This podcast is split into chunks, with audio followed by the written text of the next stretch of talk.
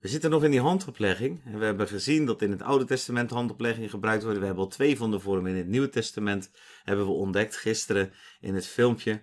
En dat het ook belangrijk is om onderscheid te maken tussen die verschillende vormen van handoplegging. En uh, ik heb jullie uitgedaagd om je er ook naar uit te strekken als je dat nog niet eerder hebt gedaan. En uh, ergens heen te gaan waar mensen die vol van de geest zijn de hand op kunnen leggen. Um, vandaag wil ik het hebben over wat nou als die handen je, als je de handen opgelegd is, hoe activeer je dat dan als het ware? Want je kan dat natuurlijk ontvangen, maar je moet daar ook nog wat mee doen. Tenminste, dat leert het woord van God ons. Handoplegging heeft dus te maken, dat hebben we in het vorige filmpje ook gezien, hè? dat was dus al in het Oude Testament, de geest van wijsheid, Deuteronomie 34 vers 9. Mozes legde handen op Jozua en Jozua werd vol van die geest van wijsheid. Nou, datzelfde kom je in het Nieuwe Testament voortdurend tegen. In, uh, Timotheus bijvoorbeeld, uh, 1 Timotheus 4 vers 14. Voor onachtzaam de genadegave niet die in u is en die is gegeven door de profetie met handoplegging door de raad van ouderlingen. Daar staat ook in 1 Timotheus 5 vers 22 die tekst die vaak misbruikt wordt. Leg niemand haastig zomaar de handen op en heb geen deel aan de zonde van anderen. Los van dat het twee zinnen zijn, is dit ook een hele andere vorm van handoplegging als die andere twee die we eigenlijk behandeld hebben, namelijk om zieken te genezen en de kracht van de, en de doop met de Heilige Geest. Dit gaat over leiderschap. Dit gaat over mensen in leiderschap zetten. En Timotheus die um, in die gemeente, snelgroeiende gemeente actief was, uh, Paulus zegt, leg niet zomaar iemand de hand op. Hè? Uh, omdat je dan eigenlijk iemand neerzet, iemand plaatst in een positie die daar nog niet aan toe is. Of daar nog niet uh, het karakter voor gevormd heeft. En wel al de zalving ontvangt.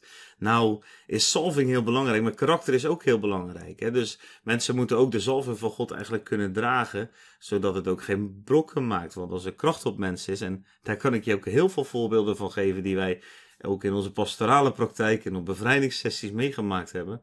Hoe dat anders kan ontsporen.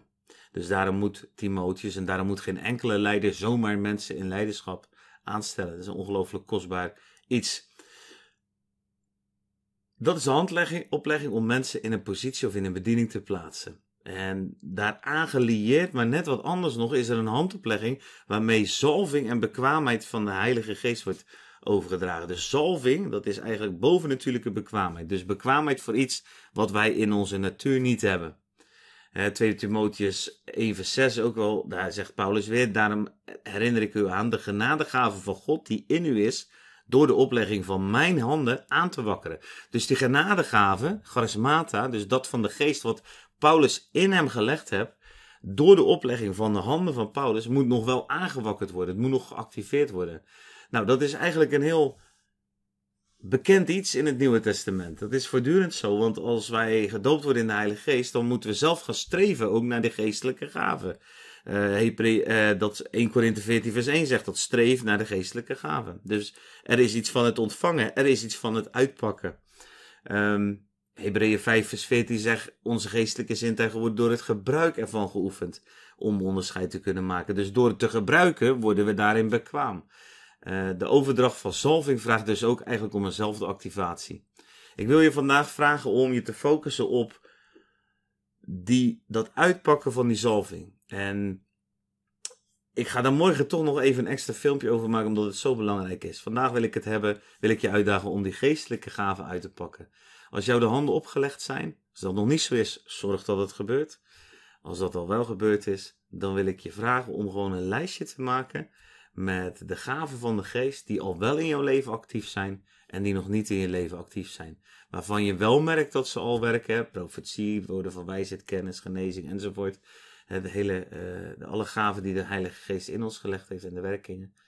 En, en die nog niet actief zijn. Als je dat lijstje wil maken en dan samen met de Heilige Geest gaan bidden, wat kan jij doen om die anderen ook te activeren? Daar ga ik dus al morgen weer op verder. Want ja, mijn tijd is op.